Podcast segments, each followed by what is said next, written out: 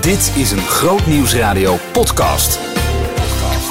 De Stille Week. Met Wilkin van der Kamp.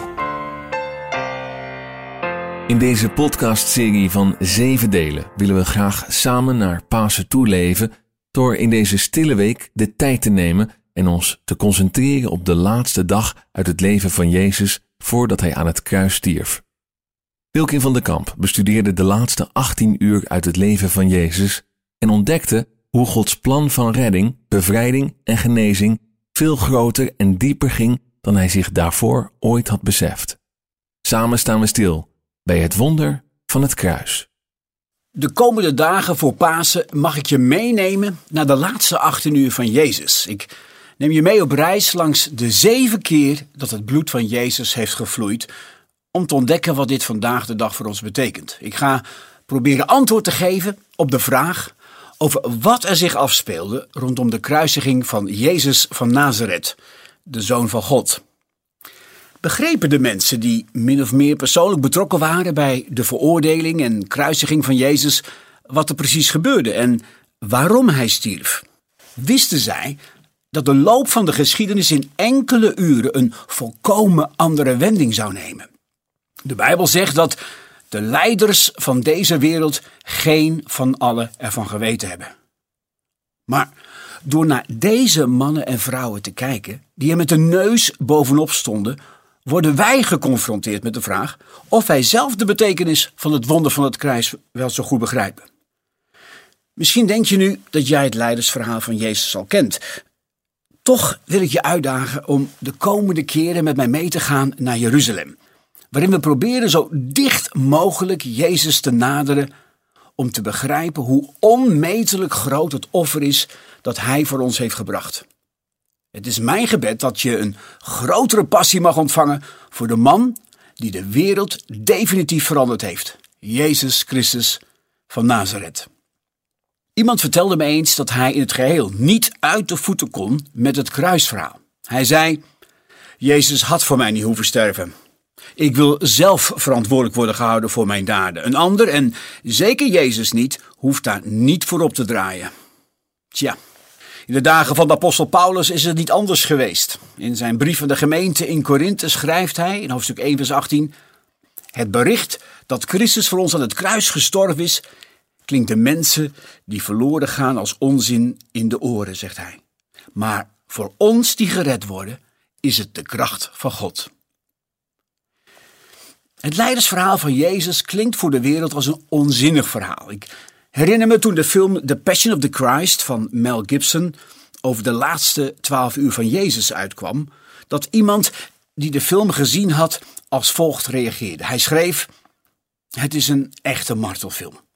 De hele film draait eigenlijk alleen maar om het zinloos martelen van Jezus. En ik vind het verschrikkelijk om te zien hoe iemand zo'n zinloze dood kan sterven. Wat had het nou voor nut? Ik kan me hier zo boos op maken, schreef hij, dat ze aardige mensen op zo'n volstrekt nutteloze manier laten sterven. Dit is wat het kruisbeeld van Jezus in veel gevallen oproept. Een zielige vertoning waar de wereld niet op zit te wachten.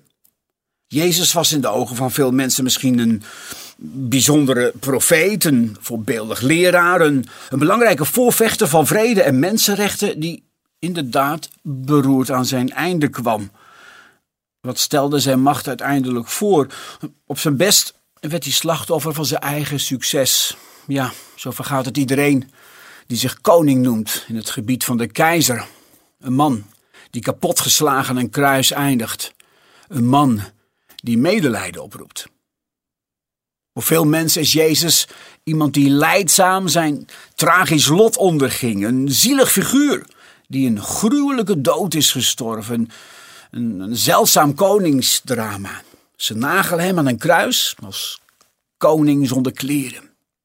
Ja, voor ongelovigen is de leidersgeschiedenis niet meer dan een fantasieverhaal.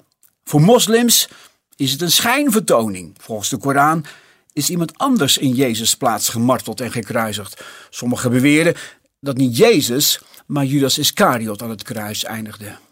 In deze tiendelige serie voor Pasen wil ik je laten zien wie Jezus werkelijk was. Jezus was geen Joodse martelaar zoals er zoveel waren. Jezus is niet met de moed der wanhoop naar het kruis gegaan. Nee, de laatste 18 uur van Jezus getuigen van ongekende moed, liefde en kracht. Aan het kruis laat Jezus ons zien wat volmaakte liefde is en wordt Gods grootheid openbaar. Zoals de evangelist Johannes later schreef in hoofdstuk 1, vers 14: Het woord is mens geworden en heeft bij ons gewoond, vol van goedheid en waarheid. En nu komt het, en wij hebben zijn grootheid gezien, de grootheid van de enige zoon van de Vader. De avond voordat Jezus zijn leven voor ons zou geven, bad hij aan het einde van de paasmaaltijd de volgende woorden. Johannes 17, vers 1. Vader, nu is de tijd gekomen. Toon nu de grootheid van uw zoon, dan zal de zoon uw grootheid tonen. De laatste 18 uur laten ons de ware koning van Israël zien. De laatste 18 uur is een adembenemend verhaal vol chockerende contrasten een magistraal paasepos waarin we een soevereine Jezus te zien krijgen die zich openbaart als het lam van God en hoge priester tegelijk. Die de vernedering en de bespotting op een koninklijke wijze heeft doorstaan. Jezus zweeg, heldhaftig, tegenover de machtigste mannen in Jeruzalem. Hoge priester Caiaphas, koning Herodes en gouverneur Pontius Pilatus. Jezus ging tot het uiterste om ons Gods liefde te laten zien. Hij is mens geworden om ons zonen en dochters van God te maken. Hij gaf zijn leven om de dood op eigen terrein te verslaan en na drie dagen weer op te staan. Laat mij je meenemen naar de voet van het kruis, waar Gods liefde jouw hart wil veroveren.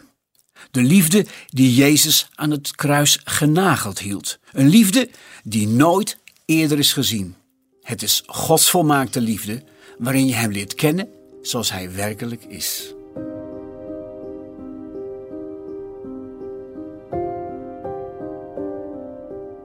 Ik vind het een groot voorrecht dat ik over de hele wereld en vooral in landen waar christenen vervolgd worden, predikanten en voorgangers mag vertellen over het wonder van het kruis. Om hen te helpen om met andere ogen naar de laatste 18 uur van Jezus te kijken. De Hebreeën schrijver zegt immers in Hebreeën 12 vers 3, als u niet onverschillig of zwak wilt worden, dan moet u denken aan wat Jezus heeft doorstaan. Aan het kruis laat Jezus ons zien wat volmaakte liefde is en wordt Gods grootheid openbaar. Het is een getuigenis van ongekende moed, liefde en kracht. Daarom worden we opgeroepen naar Jezus te kijken in de laatste 18 uur zodat de kerk niet zwak of onverschillig wordt, maar net als Jezus vervuld zal worden met bovennatuurlijke moed, liefde en kracht om de wereld te vertellen waarom Jezus voor hen aan het kruis is gestorven. De evangelisten vonden het enorm belangrijk te laten zien dat er geen moment in de laatste 18 uur van Jezus was waarin hij niet de volledige controle had over wat er gebeurde. God had Jezus tot in het kleinste detail voorbereid op wat komen zou. De evangelist Johannes getuigt in hoofdstuk 13, vers 3 dat Jezus wist dat de Vader hem alle dingen in handen gegeven had en dat hij van God uitgegaan was en tot God heen ging. Ja, Jezus wist al dat Judas hem zou verraden voordat hij dit zelf wist. Staat in Johannes 6, vers 64. Want Jezus wist van het begin af wie het was die hem zou verraden. En zo lezen we in het evangelie van Matthäus maar liefst drie keer dat Jezus tegen zijn discipelen zegt wat er allemaal in Jeruzalem gebeuren gaat. Dan zegt hij, ze zullen mij aan de heidenen overleveren om mij te bespotten, te geeselen en te kruisigen. Maar op de derde dag zal ik opgewekt worden. Matthäus 20 vers 19. Jezus wist alles wat hem te wachten stond. En hij wist het omdat de profeten hierover gedetailleerd hadden geschreven. Je zou het de verborgen Jehoshua-code kunnen noemen in het Oude Testament. De schriftgeleerden kenden de profetie uit het hoofd, maar niemand van hen had door dat Jezus de profetieën voor hun ogen zou vervullen. Alle voorspellingen over het sterven van Jezus van Nazareth zijn stuk voor stuk uitgekomen. En dan dit. God stuurde zes maanden voordat Jezus voor ons zou sterven, Mozes en Elia uit de hemel om Jezus tot in het kleinste detail voor te bereiden op de laatste 18 uur van zijn leven. Het staat in Lucas 9, vers 30 en 31. Jezus klom een berg op om in alle rust te kunnen bidden. En dan lezen we, opeens stonden er twee mannen met Jezus te praten. Het waren Mozes en Elia die in hemelse luister verschenen waren. Ze spraken over het levenseinde dat Jezus in Jeruzalem zou moeten volbrengen. Op dat moment, lezen we, kwam Gods heerlijkheid over Jezus, veranderde de aanblik van zijn gezicht en werd zijn kleding stralend wit. Zie je wel dat God zijn zoon niet roekeloos de dood ingejaagd heeft? God heeft Jezus volledig voorbereid op wat komen zou en hem met bovennatuurlijke kracht bekleed. Nergens wordt het duidelijker dan in de Hof van Gethsemane. Na de paasmaaltijd gaat Jezus met zijn discipelen naar deze tuin om te bidden. In het evangelie van Lucas lezen we in hoofdstuk 22 dat een engel uit de hemel kwam om Jezus bovennatuurlijke kracht te geven om het lijden op een koninklijke manier te kunnen doorstaan. Even later komt Judas, de verrader, hem tegemoet met zo'n 200 bewapende soldaten. Ik, ik zie het voor me. Met brandende fakkels en lantaarns om Jezus gevangen te nemen. De discipelen blijven stokstijf staan, ver, verlamd van schrik. Maar Jezus niet. Johannes schrijft in hoofdstuk 18, vers 4: Jezus dan, alles wetende wat er over hem komen zou. Hij deed een stap naar voren en zei tegen hen: Wie zoeken jullie? Tja, als Jezus je een vraag stelt, is dit niet omdat hij het antwoord niet weet, maar doet hij dit omdat hij wil dat wij iets leren, dat we iets ontdekken. De soldaten antwoordden hem: Jezus de Nazarener. En toen zei Jezus slechts twee woorden: Ik ben. En wat er dan gebeurt, laat zien dat Jezus de situatie volledig Heer en Meester was.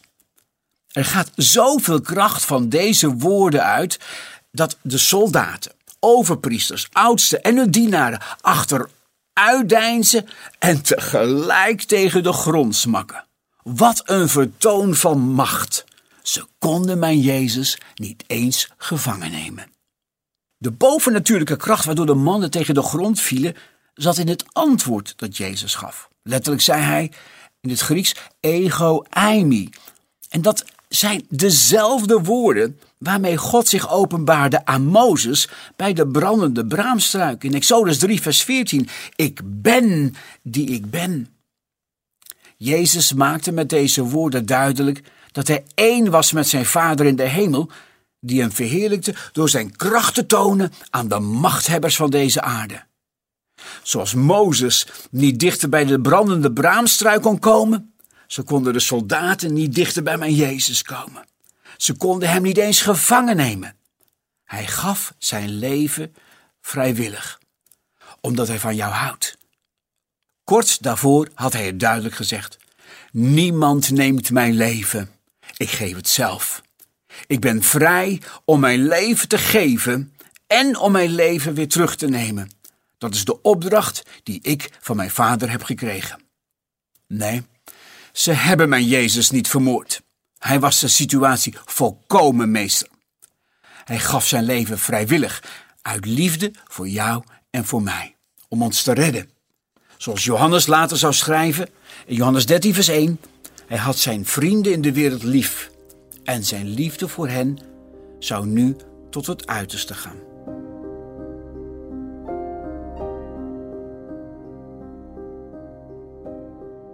De vorige keer hebben we gezien dat de evangelisten in de Bijbel het enorm belangrijk vonden ons te laten zien dat er geen moment in de laatste 18 uur van Jezus was waarin hij niet de volledige controle had over wat er gebeurde.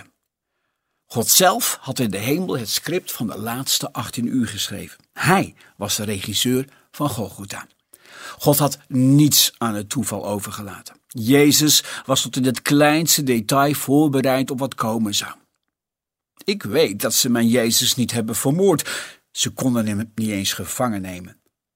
Als Judas met 200 soldaten erop uittrekt om Jezus gevangen te nemen, lezen we in Johannes 18 dat Jezus alles wetende, staat er, hen vraagt wie ze eigenlijk zoeken. Jezus stelde die vraag niet omdat hij dit niet wist, maar omdat hij wilde dat zij, maar ook wij, zouden ontdekken wie hij werkelijk is. En als ze antwoorden dat ze Jezus van Nazareth zoeken, zegt hij slechts twee woorden: Ik ben. Het is de naam waarmee God zich bekend maakte aan Mozes, Gods verbondsnaam. En alle zwaar bewapende soldaten met hun brandende fakkels en lantaarns kletteren door de kracht van God pijnlijk tegen de grond. Er breekt totale chaos uit. Zie je het voor je? Vuur, brandende lantaarns, eh, fakkels. Auw, pas op, heet, heet. En op dat moment ziet Petrus zijn kans. Hij heeft zich goed voorbereid. Hij zal in praktijk brengen wat hij al eerder heeft gezegd. Lucas 22, vers 33. Heer, ik ben zelfs bereid om met u de gevangenis in te gaan en te sterven. Petrus wil zijn leven inzetten voor zijn meester.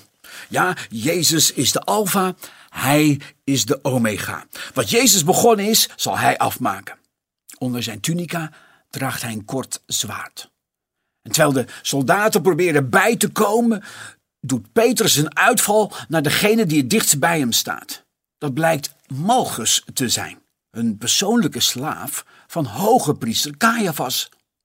Waarschijnlijk was het Petrus bedoeling om hem het hoofd af te slaan, maar de slaaf springt nog net op tijd opzij, zodat alleen zijn rechteroor van zijn hoofd geslagen wordt. Hij zal het uitgeschreeuwd hebben. Het bloed gutst uit zijn hoofd. En wat doet Jezus? Hij gebiedt Petrus het zwaard weg te doen. Steek je zwaard terug op zijn plaats, zegt Jezus, want wie naar het zwaard grijpt, zal door het zwaard omkomen.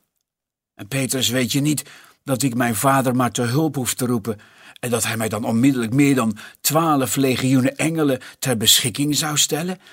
Matthäus 26, vers 52. Twaalf legioenen engelen. Dat zijn maar liefst 72.000 engelen. Jezus is de situatie voorkomen meester. Nog helemaal beduust door wat hem overkomen is, krabbelt Marcus overeind.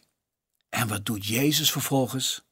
Hij raapt het oor van Malchus op, blaast het waarschijnlijk wat schoon en plaatst op wonderlijke wijze het oor weer aan het hoofd van de slaaf van de hoge priester. In de chaos van deze donkere nacht doet mijn Jezus een scheppingswonder. Heb je wel eens over nagedacht waarom dit wonder plaatsvindt? De vorige keer hebben we ontdekt dat alles wat in de laatste 18 uur plaatsvond door God van tevoren bepaald was en aldus door zijn hand zou geschieden. Als God een wonder doet, doet hij dit altijd om een reden, met een specifiek doel. Nou, wat ik nu vertel staat niet in de Bijbel, maar ik heb me afgevraagd hoe zou hoge priester Caiaphas gereageerd hebben toen Malchus, zijn slaaf, onder het bloed weer thuis kwam? Misschien ging het zo. Malchus, wat is er met jou gebeurd? Je tunica zit onder het bloed. Heb je een bloedneus gehad? Nee, dat, dat kan niet, zoveel bloed. En dan zie ik voor me hoe, hoe Malchus naar zijn oor grijpt en zegt: Sim, Simon, Petrus, het zwaard, mijn oor, de grond. Uh, overal bloed, Jezus, een wonder. Caiaphas kijkt hem onwezenlijk aan, neemt het hoofd van Malchus tussen zijn handen en zegt: je bazelt. Ik zie helemaal niets, geen schrammetje te zien. Tja, als Jezus een wonder doet, dan doet hij dat meer dan goed. Maar waarom vond dit wonder in deze chaotische nacht plaats? Ik geloof dat God Malchus als een persoonlijk getuige naar de corrupte hoge priester stuurde, die Jezus notabene uit de weg wilde ruimen, om hem te vertellen wat er gebeurd was in de hof van Gethsemane en wat Jezus voor hem had gedaan.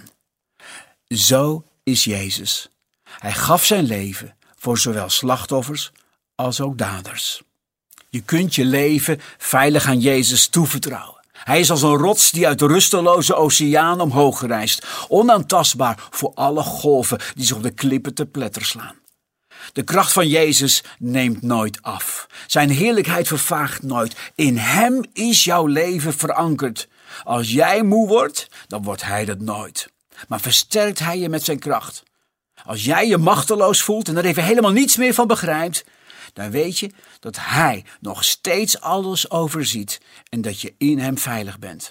Hij vindt jou waardevol en roept je om Zijn wil te zoeken en Hem te volgen. Je hebt geluisterd naar deel 1 uit de podcastserie over het wonder van het kruis met Wilkin van de Kamp. Hij vertelde dat Jezus gedurende de laatste 18 uur van zijn leven steeds de controle had over de dingen die moesten gebeuren. Ook toen hij overmeesterd werd door Romeinse soldaten was dat het geval. Petrus wilde ingrijpen, sprong naar voren om met een dolk Jezus te verdedigen.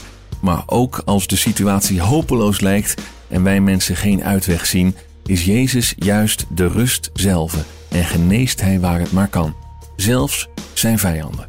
In de volgende aflevering horen we over de eerste keer dat Jezus in zijn laatste 18 uur bloedde, toen hij op de Olijfberg aan het bidden was. Behoefte aan meer? Grootnieuwsradio.nl slash podcast.